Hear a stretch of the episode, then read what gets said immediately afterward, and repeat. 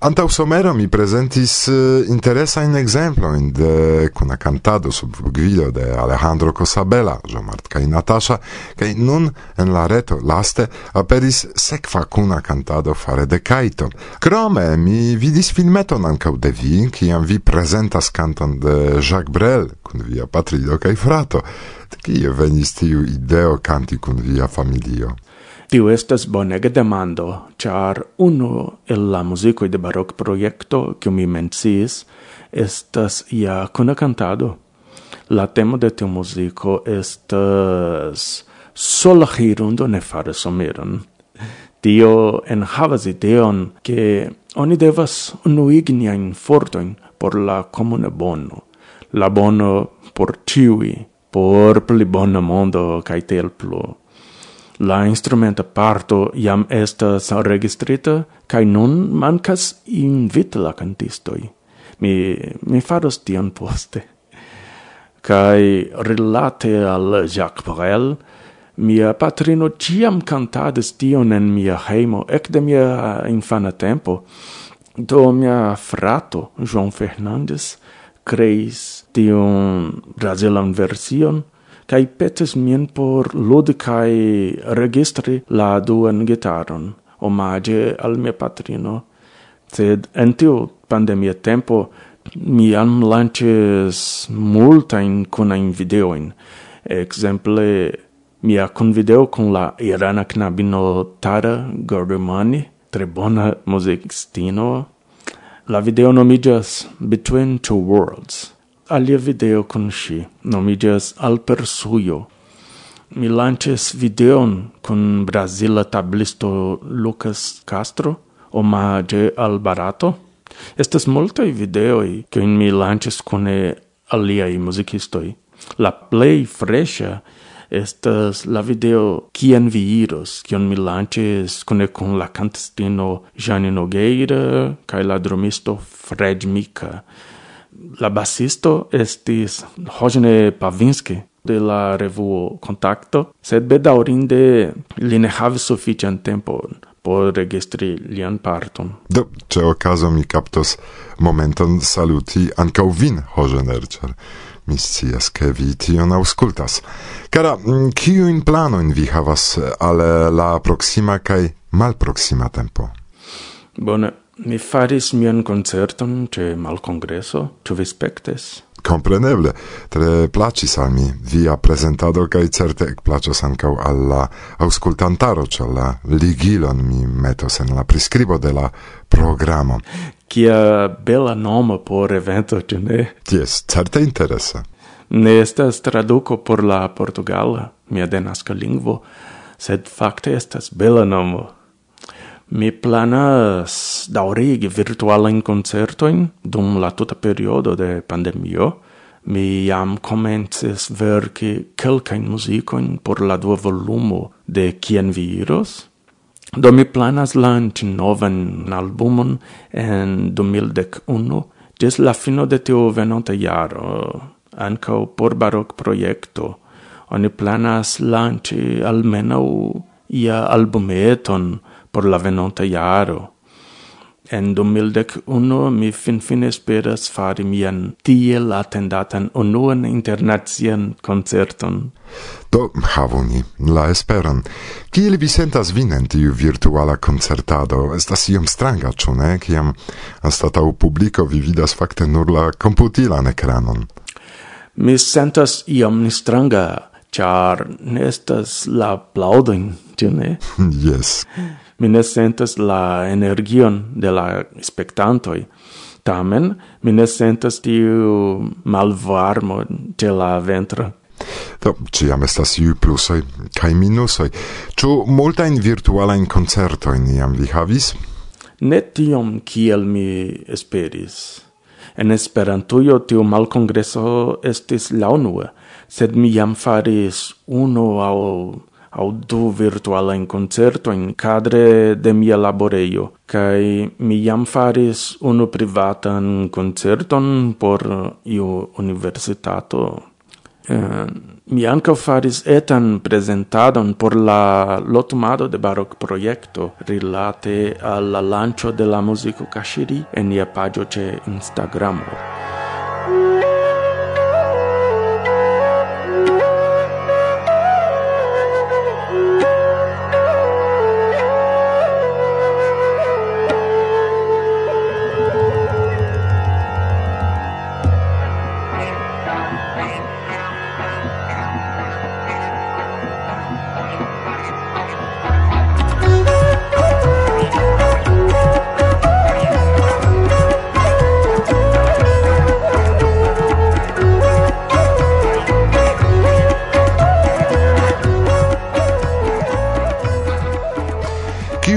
esperantista musicisto play forte impresis vin aŭ impresas? Kiam mi komences lerni Esperanton, antau de kvin jaroi pli malpli, mi volis audi metalon en Esperanto, kaj mi trovis nenium. Do la play proxima al metalon, kiam mi trovis estes la bando persone kaj kore. Mi ege shates ilin en tiu tempo.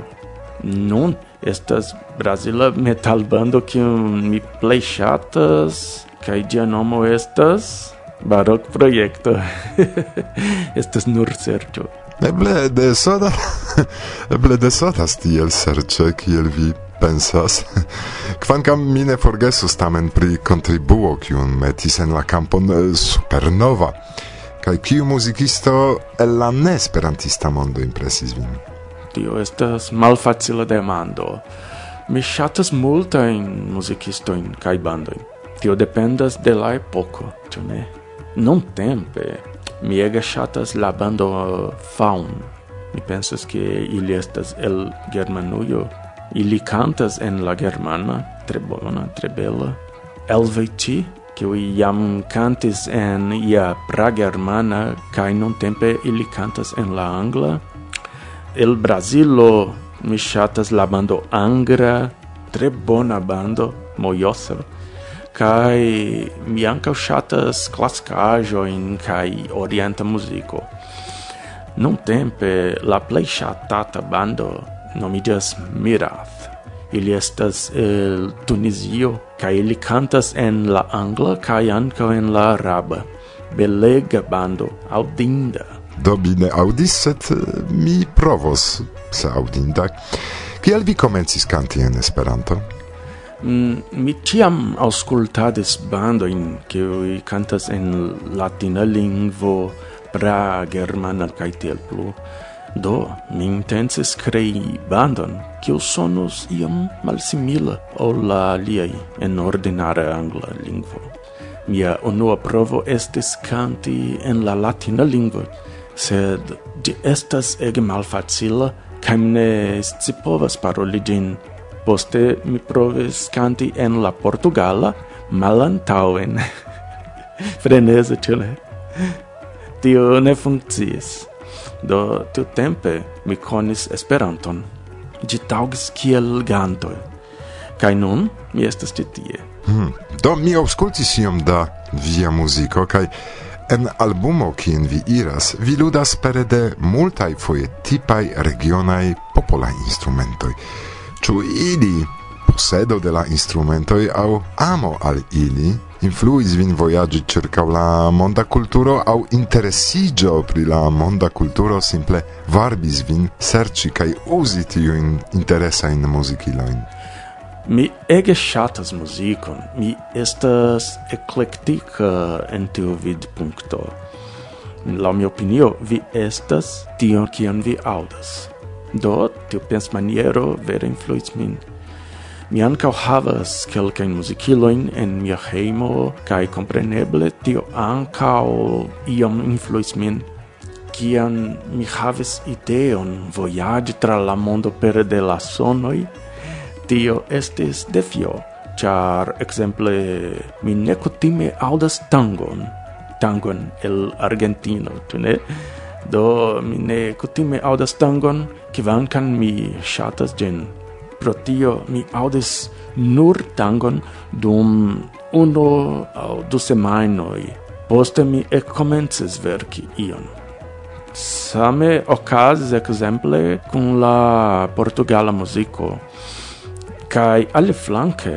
Mi jam haves eta in melodio in kai mi klopodis uzi din. Mi pensis tiu melodio shinas kun kiu lando? Tiel naskis la muzikon al barato. Prede kiom da instrumento vi ludas? Mi ludas malmultajn muzikiloin char mi havas malmultajn mi pensas ke mi povas ludi la muzikilojn kiujn mi havas en mia hejmo. Ĉiu tage vi prenas la muzikilon, provas ludi kaj vi ludos. Mi diplomiĝas pri klasika gitaro, sed mi ankaŭ ludas elektra gitaron, basgitaron kaj kavakon. Mi ankaŭ ludas bekfluton kaj amerindian fluton. Mi mem faras tion amerindian fluton kai kelkain frat musikiloin Sed mi certe volas eklerni aliajn muzikilojn kiam mi acetas ilin. De kie venis ideo, ke vi mem komencis fari muzikajn instrumentojn? Mi amas muzikilojn, ĉu ne? Ĉiuj, ĉiuj. kai mi ankaŭ ŝatas kreionain de desegnon, muzikon, muzikilon, gefilojn. Do mi creis ion musicilon simila al Santur. Santur estas irana musicilo, ege bela. Sed mia musicilo estis nur prototipo. Tio musicilo ne plu existas, sed oni povas audi din en mia kanalo, se vi volas aŭskulti. Do mi havas kanalon en YouTubeo, kaj tie vi trovos tion musicilon. Ciam mi acetis amerindian fluton, mi decidis copii, ca mi provis crei mian propran fluton. La unua, cion mi faris, ne sonis bone, sed sonis. Do tio estis por mi bona resulto, che mi jam comences fare sonon en tiu muzikilo kiu mi jus creis. La alia influto in kiu mi faris iam sonis iam pli bone mi usis miain proprain flutoin por registri quelcain musicoin de l'albumo cian vi iros, exemple la muziko al barato kai al andai landoi. Kiel vi iros estis lancita de Vinil Cosmo, do, se vi volas audi, simple serĉu tiun muzikon en la retejo de Vinil Cosmo. Se la plej malfacila muzikilon kiun mi faris estis gitaro. Yes. Sed mi faris nur unu, mi faris kurson dum unu jaro. Estas multe malfacile, kai oni dependas de bonaj maŝinoj kai tiuj maŝinoj estas ege multe costa. Do, do mi faris nur unu gitaron, kai mia instruisto ege helpis min, contraue, eble mi ne fin pretigos gin. Mia gitaro estas simple bela. Poste mi registros ion por montri al vi. Bele. Ĉu eh, la ekzemplo studi muzikon venis sub influo de via familio aŭ tio estis via propra matura decido? Mia patrino ĉiam cantadis por ni dum mia infanaĝo sed fakte muzikistoj en la familio estas nur mi kaj mia frato, João Fernandes. Sed la tuta familio ĉiam apogis nin, kiam ni decidis lerni muzikon. Mm -hmm. Ekde duon jaro mi observas ke Flo quasau dedicis uh, eh, sian coron por lanci vian arton, kiam aperis ideo kun labori kun vinil cosmo. Bone, Cio comences kun la bando barok proiecto anta multa iaroi. Flo demandes min, tu mi shatus parto preni de metala compilo. Mi tui acceptes. Mi sendis unu sola musicon de barok proiecto. La ideo estis preni unu musicon de ciui metalai bandoi, sed bedaurinde la proiecto fiaskes pro manco da metalai bandoi. Fakte ne ekzistas multaj metalaj bandoj en Esperantujo. Mi neniam parolis kun Flo persone, eĉ per poŝtelefono, nur per retmesaĝo, sed mi tenas lin kiel amiko. Eble mi conos lin en la estantezo, en iu universala congreso. uh, eh, e povas diri al vi che li multe helpis min kai barok. Exemple, la albumo sovage Animo estis farita dank al lia subten Li mone helpis min kai barok. Kai primia solo albumo mi demandes lin ĉu eblus lanĉi instrumentan albumon pere de Vinil Cosmo, kaj li tute akceptis mi pensas che floganta melodio in mia unu albumo estas la unua instrumenta albumo en Esperantujo. Do se vi aŭdas nin nun mi tre dankas vin Flo. Danke al Flo ciam valoras, char sen nia contribuo en tiun campon de la esperantista culturo, certe ni estus nun entute alia loco. Mm, Viei revoi concerne de la esperantista, kai privata vivo? Mm, malfacila. Mi revas che mia musiclaboro estos pli desvastigata en Esperantujo kaj ankaŭ en neesperantista medio. Tene? mi scias che la plej granda parto de esperantistoj ankoraŭ ne konas mian laborojn kaj barok projekto kaj mia solo albumo. Do mi laboros por plibonigi tiun parton. Ĉu vi vidas ion en la movado esperantista kion vi ŝatus ŝanĝi? Grava demando.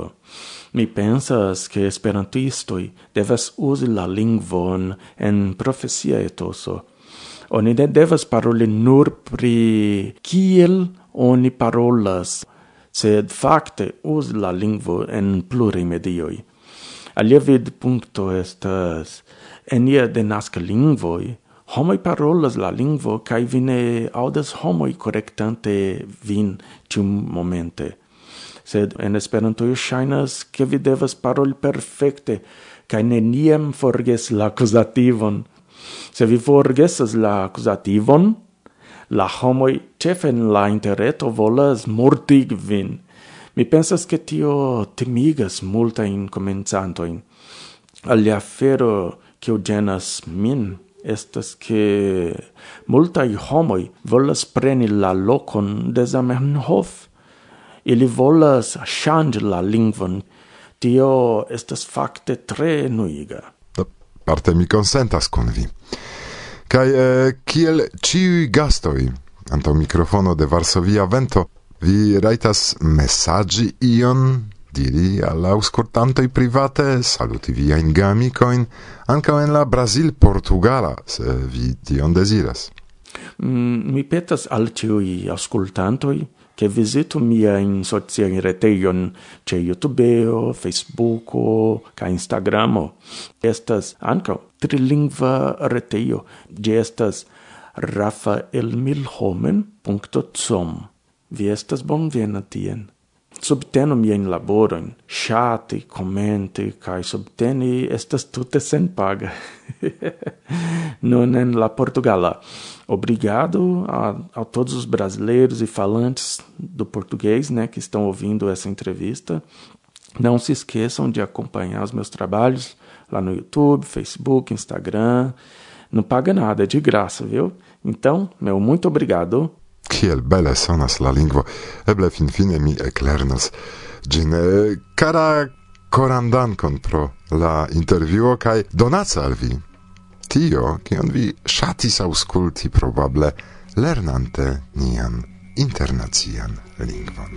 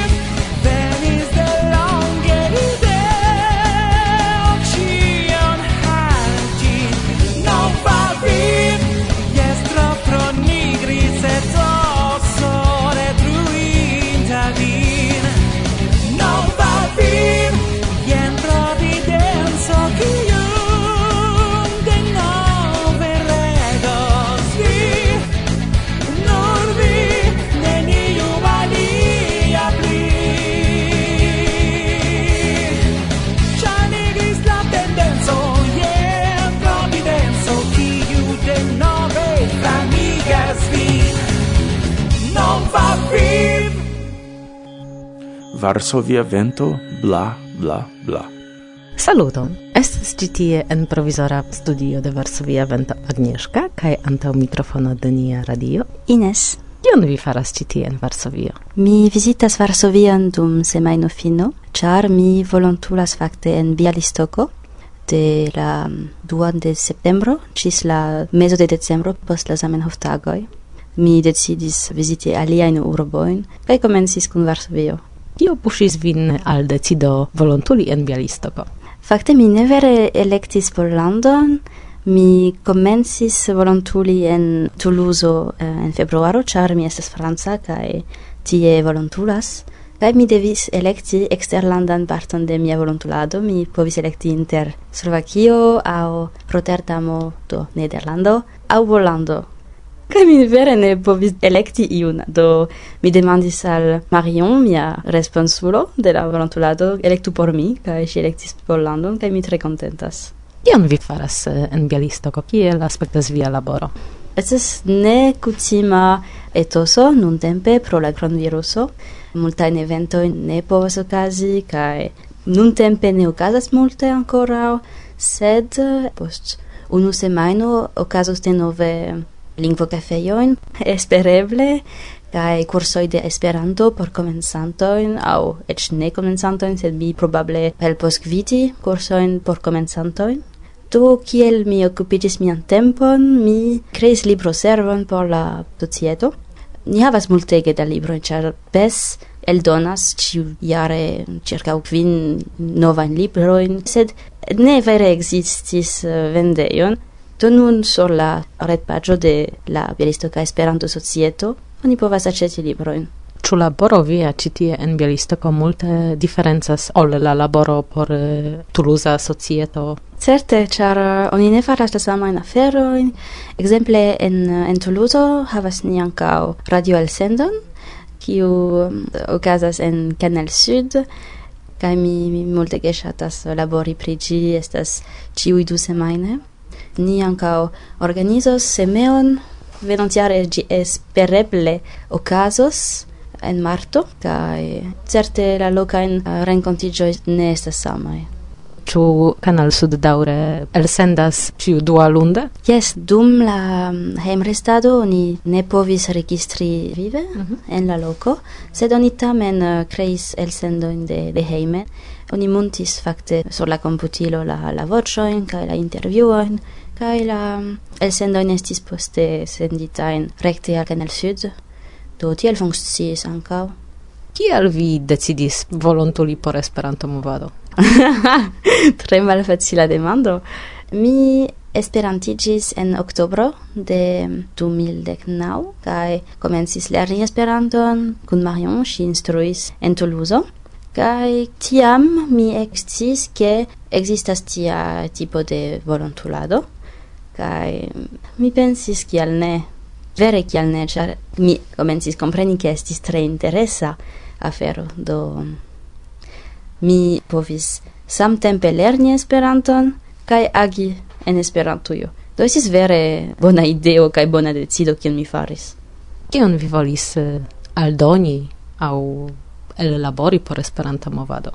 Fakte mi ne pensis pri tio, kiam mi komencis la volontuladon, eĉ Mm, estis pli egoisma mi ŝatas lingvojn ĝenerale kaj kompreneble mi devis lerni Esperanton kaj mi sciis ke estus tre bona okazo por mi lerni ĉar mi laboros en Esperanto kaj ankaŭ mi scivolis pri la, la internaciajn renkontiĝoj do estis pli egoisme ol tio Se vi ŝatas lingvojn, eh, kion vi ĵus menciis, kio konvinkis vin ĝuste al Esperanto? Ĉar estas ege facila lingvo. Se mi devus caricaturi, la lingua nestus ia mixajo de latina lingvoe kaj la germana. Ambaŭ lingvojn parolas mi, kaj kompreneble mi parolas la francan, do jes bela mixajo. Kiom da aliaj lingvojn vi konas ankoraŭ? do flue mi parolas la francan, kiu estas mia denaskva lingvo, kaj la anglan, kompreneble lernis mi en la lernejo, kaj la germanan, ankaŭ en la lernejo kaj la finan, ĉar mia patrino estas fina kaj nun Esperanton. Interesa estas tiu miksaĵo, ke via patrino estas indevena kaj vi loĝas en Toulouse mi kredas, ĉu? Yes, mi naskiĝis en Francio, en Nico, ĉe la azura marbordo, um, kaj studas de du jaron en Toulouse. mi estas ankaŭ studento de sociologio Mia, mia patrino estas fina, mi tute ne aspektas fina pro la fakto ke mia patro estas el uh, Libanujo, do liajn genoin prenis min. Kiun lingvon vi uzas hejmen?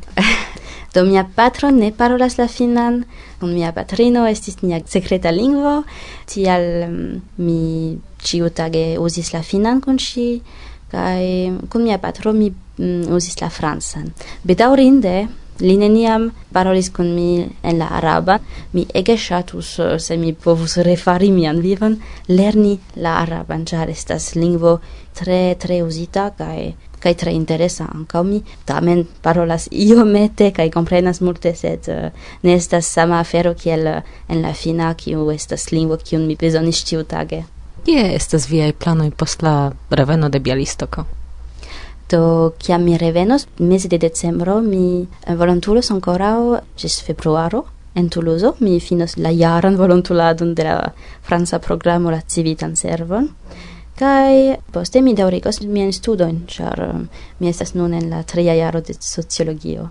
Ĉu plano estus iel maniere ligidaj kun Esperanto? Tiui planoi ne, sed eh, mi certe ancora restos esperantisto, kai estos eh, en Esperantujo, certe. Kaj mi fakte eklernis ke ekzistas en de sociologio rilate al Esperanto kaj tio estas ege interesa. Oni povas ankaŭ studi interlingvistikon en Esperanto en eh, Poznana Universitato. Tie venas multaj esperantistoj de la tuta mondo, de Brazilo, de Ĉinio kaj de Rusio, do, vere de la tuta mondo. Kion vi dezirus mesaĝi al la mondo de esperantistoj, de esperantoparolantoj aŭ eĉ de viaj amikoj? Kion vi dezirus? Mi multe bedaŭras la la reaktojn de multe da neesperantistoj kiuj um, ne komprenas uh, kial Esperanto kaj diras eh, la angla sufiĉas kaj kiuj povas eĉ esti tre malalfablaj pro tio se ion oni povus plibonigi estus tio, sed mi ne scias kiel. Demando iom de alia flanko, kion vi plej ŝatas pri Pollando ĝis nun? Pierogi. Sed vi devas diri al aŭskultantoj kio ĝi estas, ĉar ne ĉiuj scias. Bonege, pierogi estas tradicia pola manĝaĵo. Ekzistas multe da diversajn eh, enhavojn kaj mi vere ŝatas ilin, mi parolas pri Piero ki tro, tro multe. Ĉu pola kuir arto multe surprizis vin? Fakte ne tiom multe, ekzemple la terpomo salato estas ia sama kiel en Finlando. Mi vere ŝatas la polan kuir arton. Bone, Estas plena momento nur eh, por vi, ke vi povas saluti viajn amikojn aŭ malamikojn Do bone, Esperantujo, vi mojosas, mi ege ŝatas vin. Mi ankaŭ antaŭĝojas revidi miajn uh, kolegojn de Toulouse en uh, ĉe Ekoco Esperanto Kulturcentro. Koran dankon. Antaŭ mikrofono estis Ines el Ekoco kaj Agnieszka el Varsovio. Kaj mi ne scias, ĉu vi scias, ke Ines kaj Agnieszka estas la sama nomo. Fakte jes. Reklamo. Olette kun telemassa radioa Varsovio vento. Bla, bla, bla. Okay,